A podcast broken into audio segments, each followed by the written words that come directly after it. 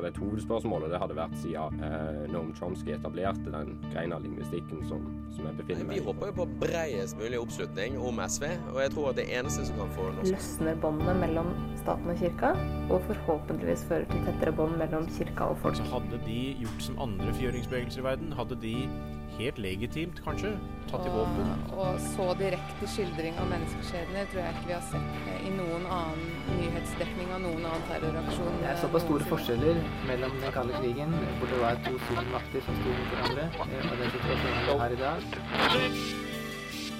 Du hører på samfunns- og aktualitetsmagasinet Opplysningen 99,3 på Radio Nova.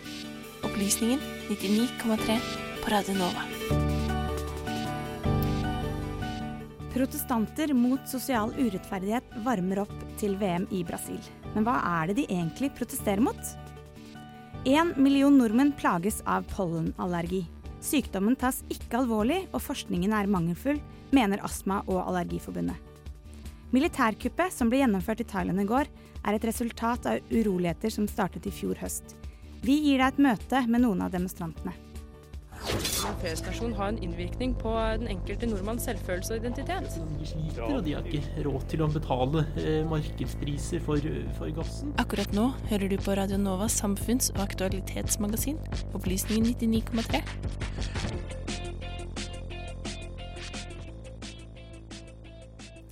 Hei og velkommen til Opplysningen 99,3, Radio Novas samfunns- og aktualitetsmagasin. Vi tar opp aktuelle saker med en litt ny vri, eller saker som kanskje ikke får så mye plass ellers i mediebildet. Mitt navn er Nora Brønseth, og det er jeg som skal være sammen med deg denne timen. Ved siden av det du hørte innledningsvis, skal vi i dag snakke om samvittighetsfrihet. Debatten om legers rett til å reservere seg mot å henvise til abort er for lengst over, men vi spør i etterkant er samvittighetsfrihet blitt en menneskerettighet? Etter reservasjonsdebatten som pågikk i hele vinter og vår, har begrepet samvittighetsfrihet stadig dukket opp i debatter. Reservasjonsmuligheten er en samvittighetssak som er langt større enn å henvise til abort. Det gjelder liv-død-spørsmål. Og det er en viktig prinsipiell sak i et liberalt demokrati om vi har plass for mindretallsmeninger. Vi ønsker å være å, å synge og mene din tanke er fri, men det mener vi så lenge at vi mener det samme som staten. Så for oss så er dette et prinsippsak. For vi ser i den medisinske kula at det, fram igjennom så vil det komme andre utfordringer at mens vi har diskutert dette som vi egentlig er enige om, så har vi samtidig Eh, snakket ned dette med samvittighetsfriheten for leger, og for så vidt for alle andre statlige ansatte eller mennesker i samfunnet vårt. Og det syns jeg er veldig rart, for vi er et samfunn hvor nettopp dette med enkeltindividets ansvar for egne handlinger er helt sentralt. Du kan ikke bare si at 'jeg bare jobber her', du har ansvar for det du gjør. Og jeg syns at uh, samvittighet og samvittighetsfrihet har nesten blitt et slags sånn skjellsord i denne debatten her. Noe litt sånn suspekt at noen leger er, er opptatt av samvittighetsfriheten. Det er bra at vi mennesker i samfunnet vårt har lov til å lytte til vår egen stemme. Det er ikke bare bra, det er noe vi har plikt til, og det er bra for samfunnet vårt at, at vi har et sånt samfunn. Er det et politisk nederlag for Kristelig Folkeparti vi har vært vitne til i dag? Altså Hvis de eh, greier å få knesa dette prinsippet, så kan det på mange måter være mer verdt for dem enn faktisk reservasjonsretten, for det omhandler kun abort. Mens hvis man får eh, regler eller en eller annen form for knesatt noe prinsipp som også går på aktiv dødshjelp og gen- og bioteknologi, så kan det være en ganske god løsning for KrF. Det ble ingen reservasjonsadgang, men har KrF oppnådd akkurat det de ville? Er samvittighetsfrihet etablert som en rettighet på lik linje med andre rettigheter, som vi kan slå i bord med når andre etisk vanskelige debatter som aktiv dødshjelp eller bioteknologi skal debatteres? I studio har vi fått besøk av filosof og stipendiat ved Universitetet i Oslo, Feros Sa. Velkommen. Takk. Du skriver doktorgrad om samvittighet. Hva er samvittighet?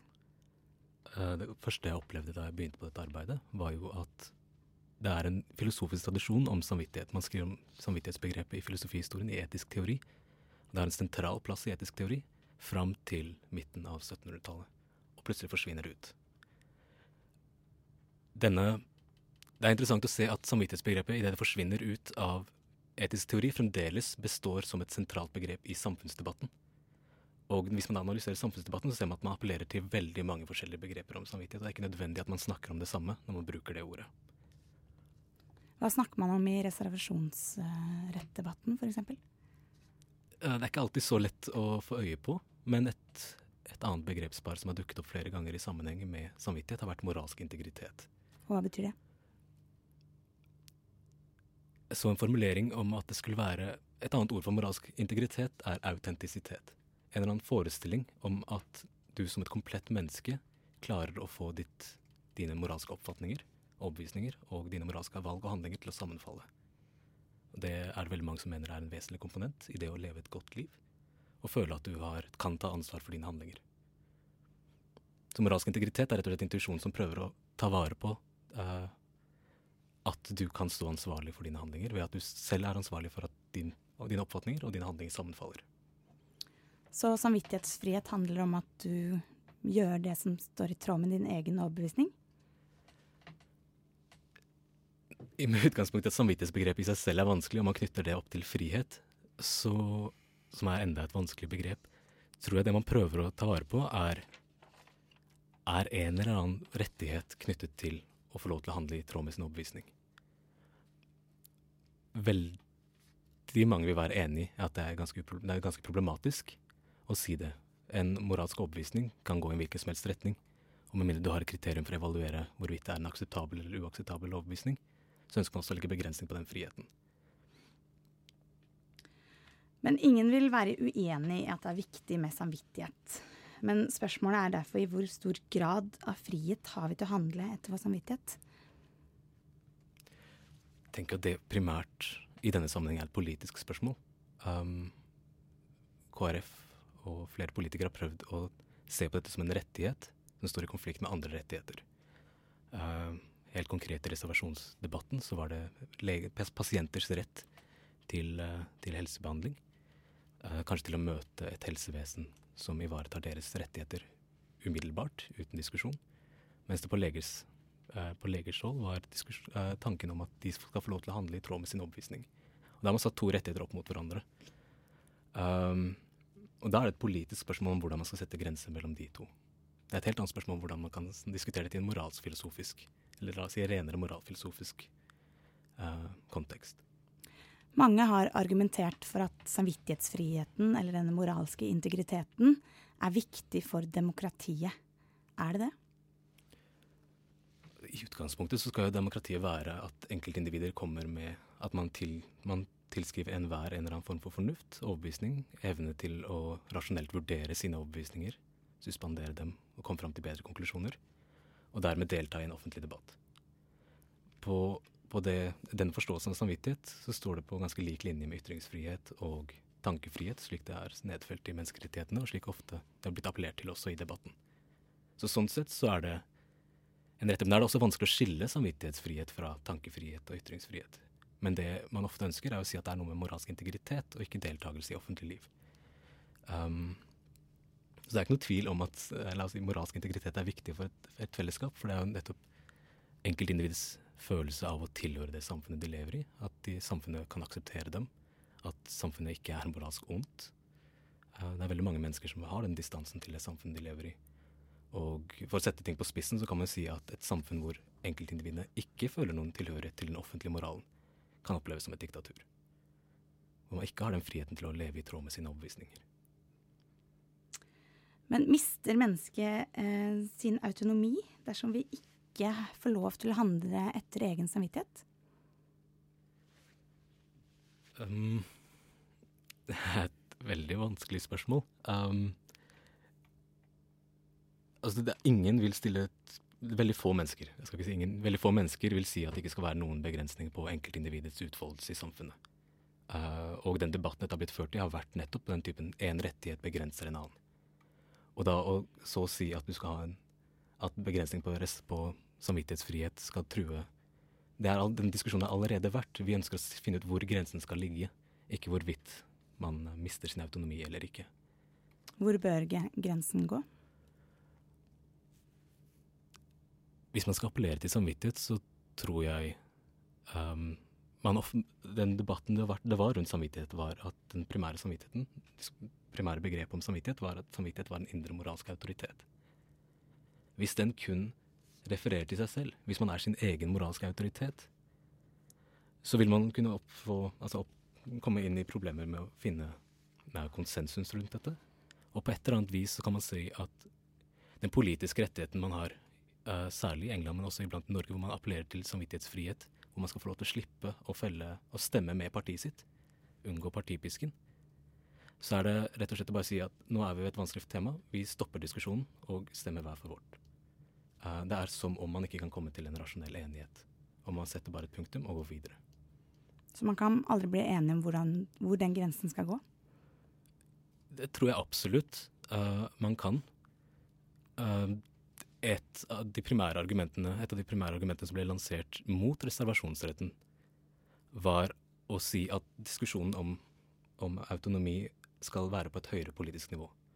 Man har offentlige roller som er definert av staten i fellesskap, som er ment å dytte den moralske uenigheten vekk fra individnivå over på et statlig, et, et offentlig rom hvor man kan diskutere fritt. Så når man var imot reservasjonsretten, så sa man at nå har man definert en rolle og en offentlig tjeneste, og da skal man forholde seg til den.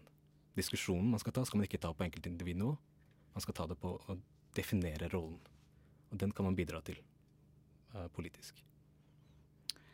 Men hvis uh, man har et samfunn hvor alle får lov til å 100% gjøre det samvittigheten deres selv sier at de skal gjøre, hva slags samfunn ville vi fått da? Det er kontrafaktisk. at Man kan jo tenke seg at man vil ha gode grunner til å lytte til noe annet enn sin egen indre autoritet allikevel. For straks man kun handler etter sine egne overbevisninger, så man, kan man anta at man vil bli fremstå som uforutsigbar. Mennesker vil ikke stole på deg. Det kan være mange psykologiske grunner til at vi burde handle i tråd med andres. La oss si uh, ikke bare ta hensyn til vår egen moralske overbevisning.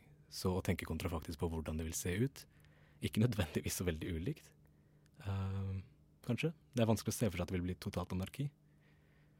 Jeg tror vi har gode grunner til å anta at det ikke vil skje, men eh, jeg tror vi også det er en grunn til at vi har Vi ikke tillater at ethvert individ handler ut fra sin egen overbevisning til enhver tid. Men dette begrepet samvittighetsfrihet har ofte blitt brukt som et skjellsord i debattene. Eh, men det er altså ikke bare negativt? Jeg tror det har blitt brukt som et skjellsord fordi man ikke tok det på alvor. Jeg tror man når man snakker om moralsk integritet, og de som har forsvart reservasjonsretten og brukt samvittighetsfrihetsbegrepet positivt, har prøvd å si at moralsk integritet er viktig, og alle er enige om det. Det jeg tror grunnen til at det har blitt brukt som et skjellsord, er nok fordi man har følt at man har hatt underliggende motiver, andre motiver. At det har vært en kamp om abortspørsmålet i seg selv, og at man tar en politisk strid som i utgangspunktet allerede var avgjort, på og setter det i nye termer og tar den om igjen. Så jeg tror det var et mistillit og at en moralisering av debatten som utgangspunktet skulle være politisk. Tror du at dette er et begrep som vi vil høre i senere debatter? Absolutt. Um, vi uh, Når det er, det er veldig mange moralske utfordringer knyttet til legevitenskapen.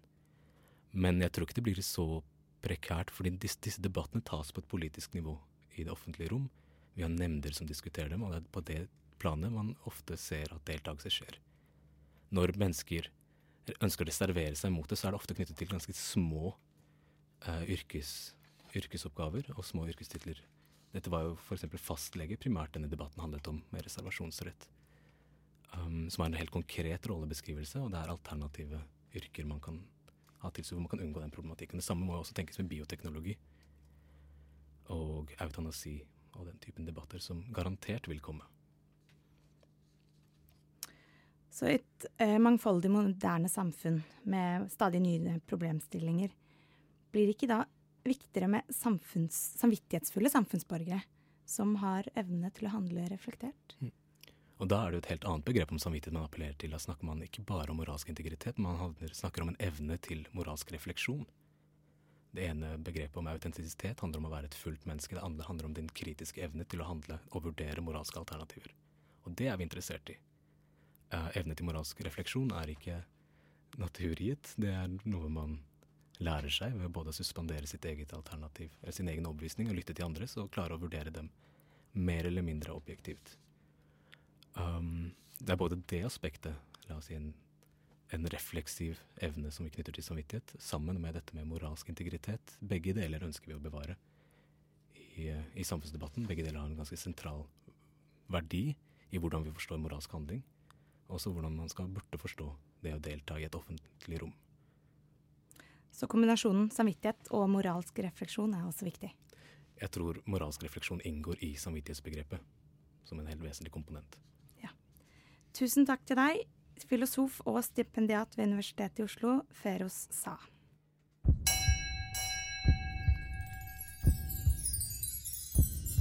Ukas opplysning. Walk a mile in these Louboutins. De fleste yrkesgrupper streiker med jevne mellomrom, og en protestaksjon i ny og ne er heller ikke helt uvanlig. Men mens folk flest tar til takke med fakkeltog, heiarop eller å rett og slett ikke møte opp på jobb, så er det noen som tar kampen for sin sak litt lenger. Flinke folk, det koster så. Nå må vi opp, opp, opp, opp, opp i lønn. Sang lærere organisert i fagforeningen Unio under den omfattende lærerstreiken i 2008. Og sangen den gjorde inntrykk. Lærerne de gikk til slutt litt opp i lønn.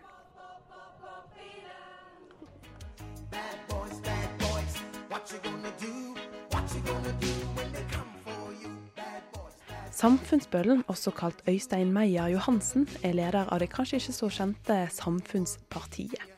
Det han imidlertid har blitt kjent for, det er sine storstilte protestaksjoner. Bombetrussel mot NRK på valgdagen og opphengning av et blodig hestehode foran Stortinget, for å nevne noe.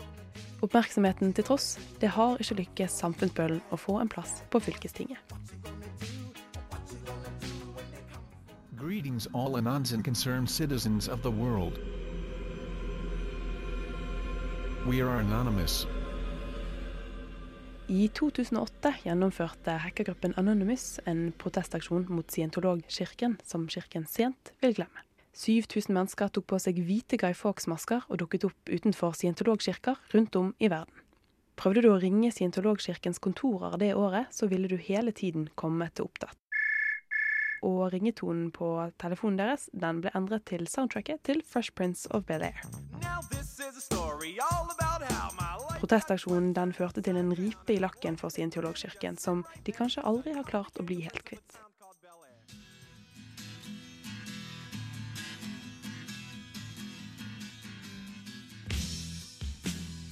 Alta-aksjonen i 1981 er en av de største og mest dramatiske sivile ulydighetsaksjonene i Norge noensinne. Planene om kraftutbygging av Altavassdraget førte til en voldsom mobilisering blant samer og naturvernere.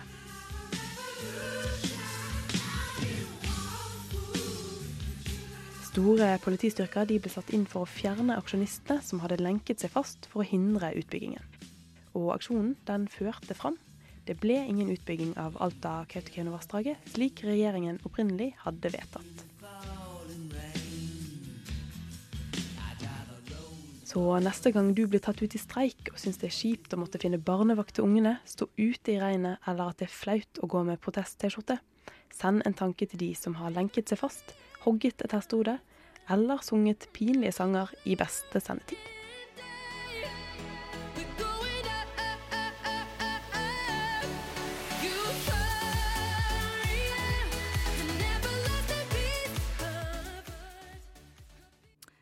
Denne ukens opplysning var signert Ingvild Fjelltveit.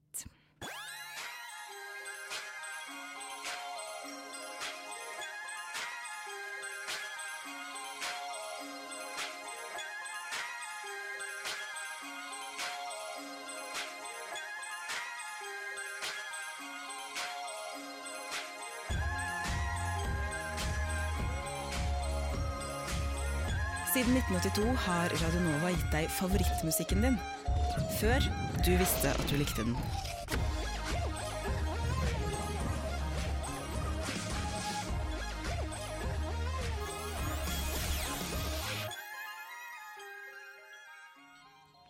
Sommeren er i anmarsj. Gresset er grønt, og trærne springer ut. Til glede for mange, men en pest og plage for én million nordmenn som plages av pollenallergi.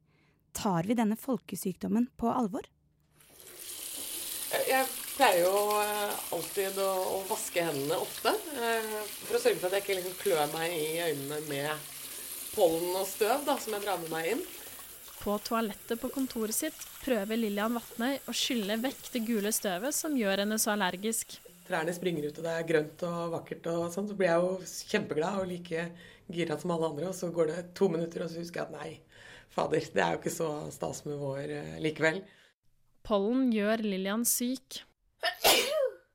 Under et bjørketre i Slottsparken møter vi Bo Gleditsch i Astma- og Allergiforbundet. Ja, her henger det noen rakler ennå. Ja, for det er i de raklene at pollen sitter? Ja, nei, du ser de her er jo helt ferdige. Han mener samfunnet ikke tar folkesykdommen på alvor.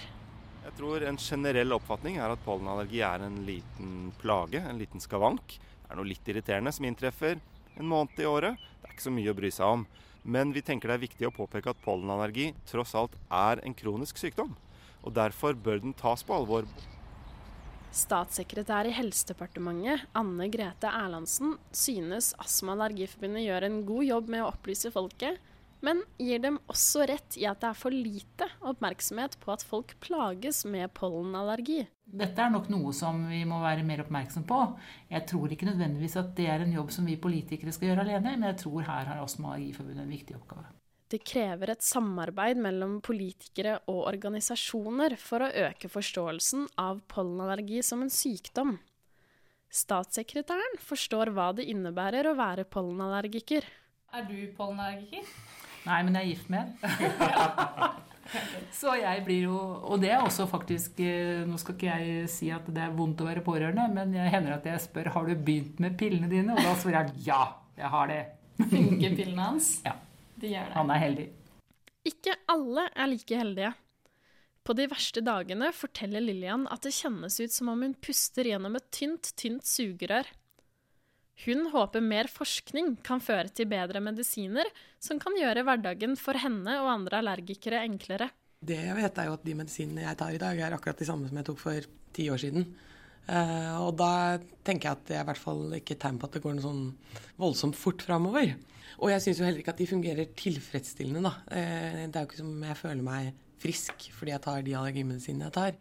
Forskningen som allerede finnes på pollenallergi, er nemlig både sprikende og mangelfull, mener Gleditsch. Men vi ser klart at det har sammenheng med stoffer kroppen får i seg i det samfunnet vi lever i i dag. Det kan handle om eh, forurensninger av ulik art, luftforurensning. Det kan handle om forurensninger i hverdagsprodukter som vi omgir oss med. Sjampoer, kremer, tilsetningsstoffer i mat, dårlig inneklima, eh, avgassinger i bygninger.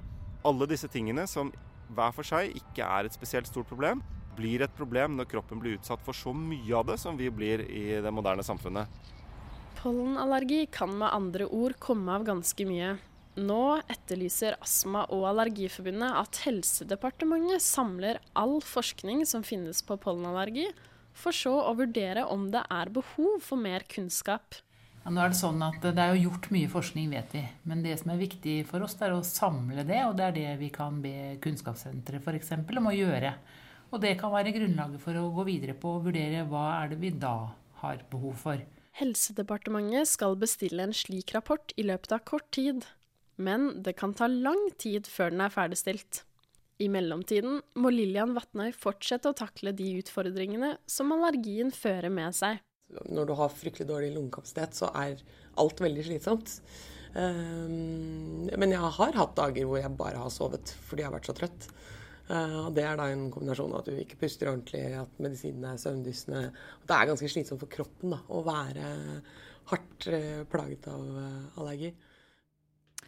Og denne reportasjen var laget av Elisabeth Bergskaug og Anna Neumann.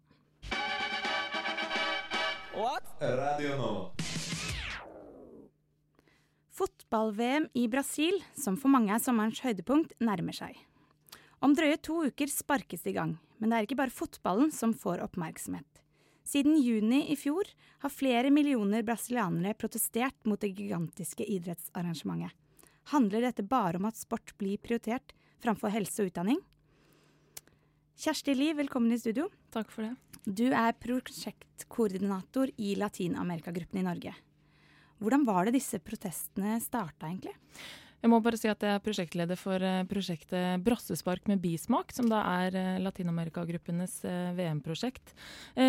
Disse protestene som alle nå har fått med seg, de starta egentlig i januar i fjor. Eh, som bitte små protester mot eh, høye kollektivtransportpriser og et dårlig kollektivtransporttilbud. Det var eh, en bevegelse som kaller seg for Movimiento Passe Livre. Som altså betyr bevegelsen for gratis kollektivbilletter, som startet protestene. Og de utarta seg voldsomt da politiet satte inn spesialpoliti og møtte disse demonstrantene med vold. Eh, Det som da skjedde videre, var at eh, folk eh, opplevde dette som svært urettferdig. Og folk tok rett og slett til gatene. Og i juni, som du nevnte, så var altså over en million mennesker ute i gatene rundt om i Brasil. Eh, og det sammenfalt da tilfeldigvis med prøve-VM, noe som gjorde at disse protestene da fikk eh, stor internasjonal oppmerksomhet.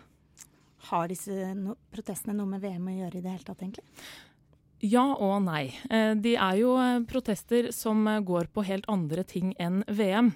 Det kravene, kravene som disse demonstrantene stiller, er helt basale behov. De ønsker bedre skole, bedre utdanning, eh, ja, denne type ting. Og så er det klart at VM eh, fungerer som en voldsom katalysator. Eh, for det oppleves forferdelig urettferdig for folk i Brasil, som altså demonstrerer for disse enkle godene, at 100 milliarder kroner er satt av til å arrangere et så stort arrangement. Men er det også et PR-stunt eh, fra smarte protestanter, i og med at vi får vite om det akkurat nå? Det er klart at eh, PR-stunt, det vil jeg ikke si, men det er klart at eh, demonstrantene visste jo at det var prøve-VM, og de ville nok eh, utnytte den internasjonale oppmerksomheten eh, de fikk. Det vet de også nå. Eh, verdens øyne er retta på Brasil, hovedsakelig for å dekke fotball-VM og for å dekke idretten i det. Men eh, det er klart at demonstrantene også får oppmerksomhet rundt eh, sine krav. Men for de av oss som ikke kjenner Brasil sin historie så godt, hva er det som har gjort at brasilianerne har blitt så bevisste på sine rettigheter? Brasil har, eh, er et ganske nytt demokrati. Eh, I 1985 så ble diktaturet avslutta, og eh, veldig store endringer har skjedd bare de siste ti årene.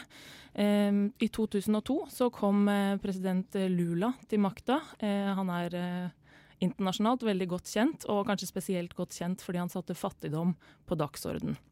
Så det som har skjedd i Brasil, er at mange millioner brasilianere har blitt løfta ut av fattigdom. Det har vært en voldsom økonomisk stor vekst, eh, som har eh, rett og slett forandra det brasilianske samfunnet radikalt. Jeg tror også det handler om at folk ser hvilke rettigheter de går glipp av. Man får en større bevissthet rundt at man vil ha like mye som de som har mest. Og Brasil er også et av eh, landene med størst økonomisk ulikhet i verden fremdeles. Og dere i Latin-Amerika-gruppene, dere jobber for at de sosiale forholdene i Brasil skal få mer oppmerksomhet under, fot under fotball-VM. Eh, hva er det dere har gjort? Vi har da starta opp et prosjekt som eh, vi har kalt Brassespark med bismak. og Det sier seg jo selv da at vi ønsker å sette fokus på dette, denne bismaken som eh, VM da eh, har i seg. Det gir en litt eh, vond smak i munnen å se disse demonstrantene som eh, protesterer og krever helt eh, enkle ting, mens man da altså sløser bort 100 millioner kroner. I hvert fall oppleves det sånn for mange. Eh, brassespark med bismak. Eh, vi ønsker i tillegg til å vise vår støtte til eh, de sosiale bevegelsene som står bak disse protestene, så ønsker vi å bidra til at mediedekninga under VM blir så god og bred som mulig om Brasil. Og som mange vet, utenriksjournalistikk er ikke spesielt høyt prioritert.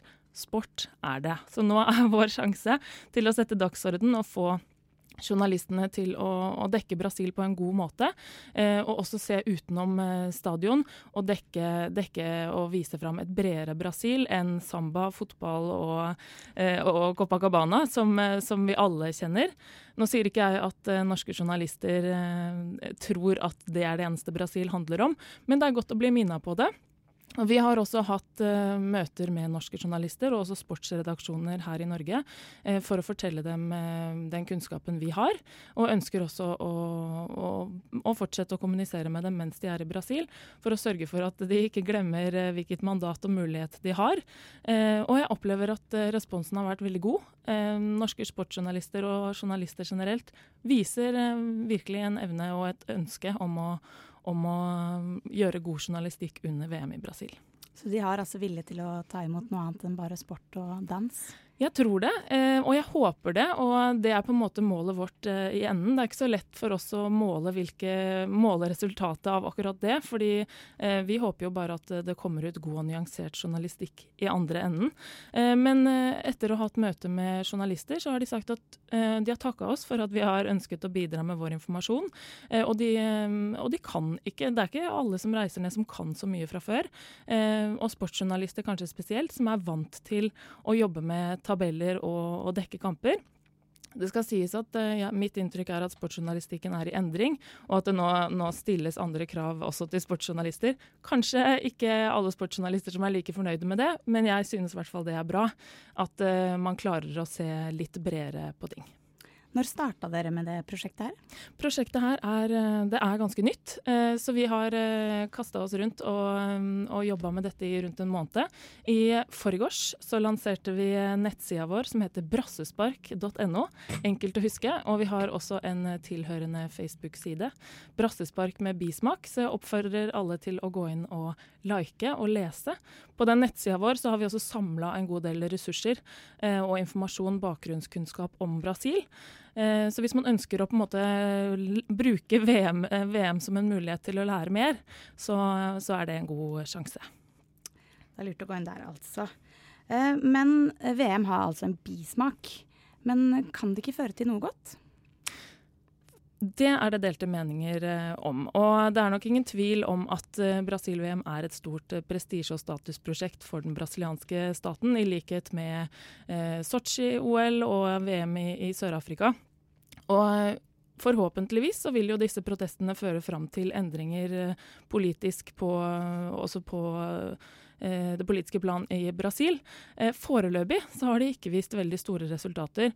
Eh, Det er eh, presidentvalg i Brasil i oktober. Da vil eh, brasilianerne gå til eh, stemmeurnene og vise hva de syns om eh, president Dilma Rousseff sin innsats. Hun har variert litt eh, i oppslutning det siste året. Hun falt som en stein etter eh, protestene i juni i fjor, og har gått litt opp igjen nå.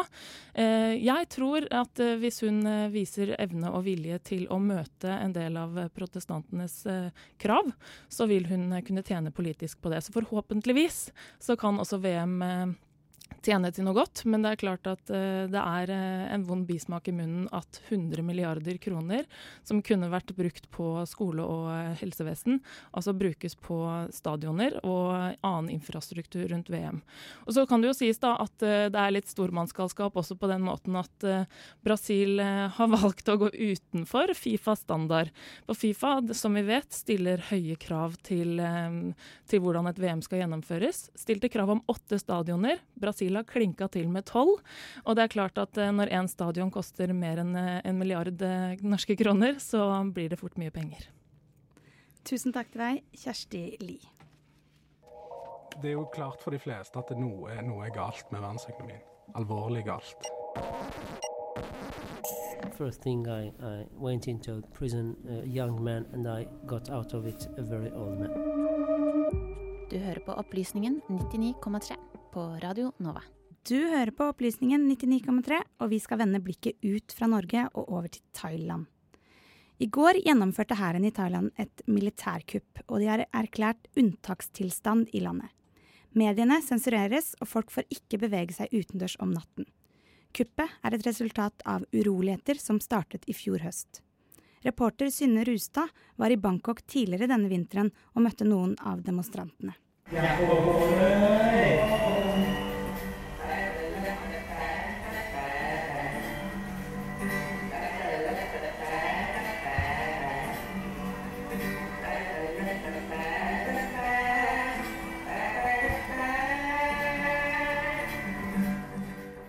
trubadur underholder de mer enn 100 000 demonstrantene som er samlet i Bangkok.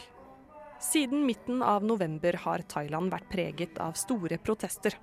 Det anslås at så mange som fem millioner mennesker har vist sin misnøye med statsminister Yingluck Shinawat rundt omkring i landet. Demonstrantene krever at hun går av, og de har okkupert paradegaten Ratchatham i sentrum av hovedstaden.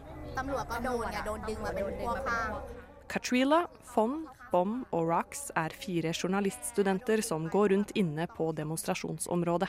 De kaller opptøyene en lek med myndighetene, for de er vant til protester som dette. We used to the protest. We, we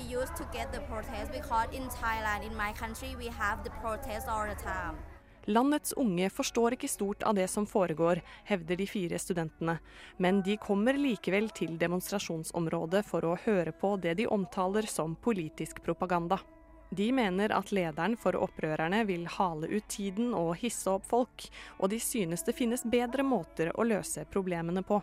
We don't understand any protest, so we hear and listen to him. But I think it's just like a propaganda or the agenda setting, and and, and people around here is very angry, and I think it's it's not the right the right way to do that. Folk er sinte, sier de. Men det virker ikke slik. De fremmøtte smiler, synger og danser. Folk sitter og ligger på tepper på bakken og følger det som skjer på scenen via storskjermer som er montert opp overalt. De klapper i takt når noen spiller protestviser, og de jubler når de hører oppmuntrende ord. Boder selger flagg og fløyter, og folk har pyntet seg med de thailandske fargene. Det hele føles mer som en folkefest enn en demonstrasjon. Dessuten har noen trukket lenestoler ut på gata, slik at folk kan bytte på å gi hverandre thaimassasje. Alle får utdelt vannflasker og tallerkener med rykende fersk nudelsuppe. Selv undertegnede, som med sin lyse hud og skandinaviske høyde åpenbart ikke hører hjemme, får tildelt mat og blir tilbudt plass på teppene til smilende fremmede. Det er rørende å bli møtt med slik åpen omtanke midt i protesten. Thailenderne synes det er viktig at alle har det bra, selv i disse politisk turbulente tider. It's kind of tradition of the mob of Thailand to singing, to to eating, or Smile. It, it's just the tradition. Channel. It, it's not the same about the mob or the other country. De fire journaliststudentene mener at å smile, synge, spise og drikke er en tradisjonell del av thailandske protester, som skiller seg fra demonstrasjoner i andre land. Hva om alle protester hadde artet seg slik?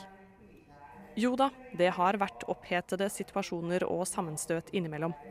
Fire mennesker har tross alt mistet livet, og man skal ikke rosemale en politisk protest.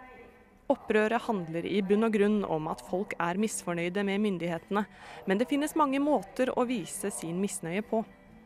Andre demonstranter kunne kanskje lære litt av den thailandske måten.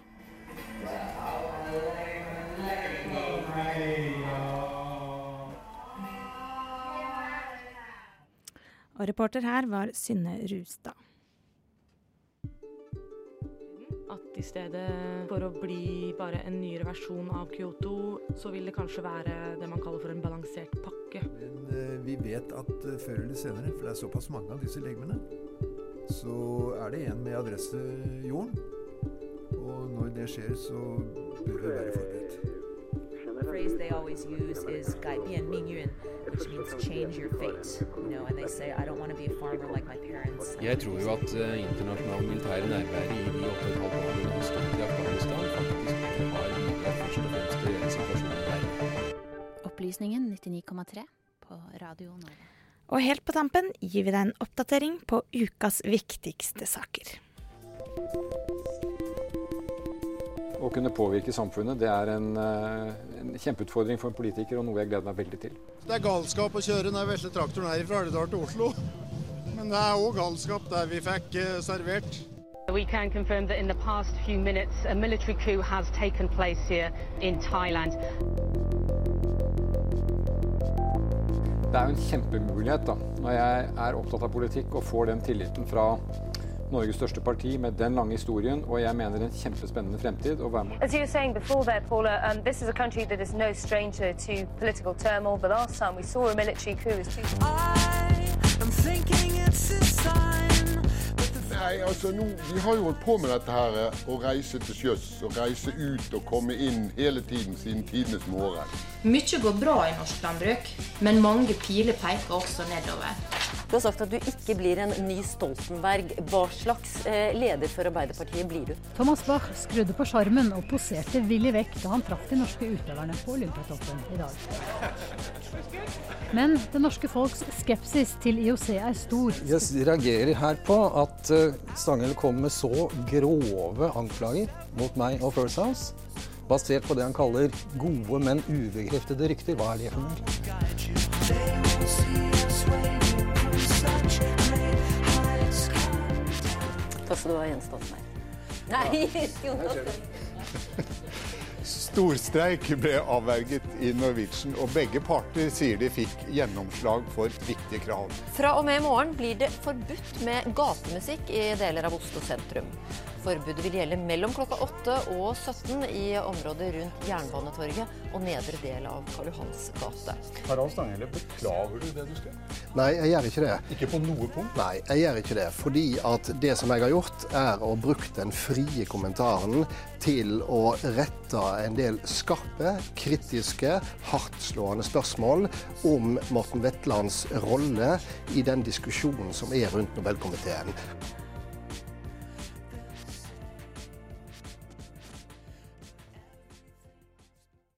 Radio Nova FM 99,3 og radionova.no. Sendingen er ved veis ende, og jeg håper du har blitt opplyst litt denne fredagsformiddagen. Hvis du vil holde deg oppdatert på hvilke saker vi syns er interessante å belyse, kan du like oss på Facebook eller sjekke ut radionova.no slash opplysningen 993. Medvirkende til denne sendingen var Malini Breivega, Jaran Ree Mikkelsen, Signe Grape og Ingvild Fjeltveit. Mitt navn er Nora Brønseth, og med meg på teknikk hadde jeg Anders Tviberg. Snart kommer Nyhetsfradag og Marie Løstrand. Hvilke saker skal dere ta opp i dag? Eh, Der skal du få mer om eh, hvorfor eh, studentene på Universitetet i Oslo vil ha nyvalg av rektoratet. Og så blir det opphetet debatt om hvorvidt man skal lettere kunne sparke professorer eller ikke. Radio Nova FM 99,3 og radionova.no.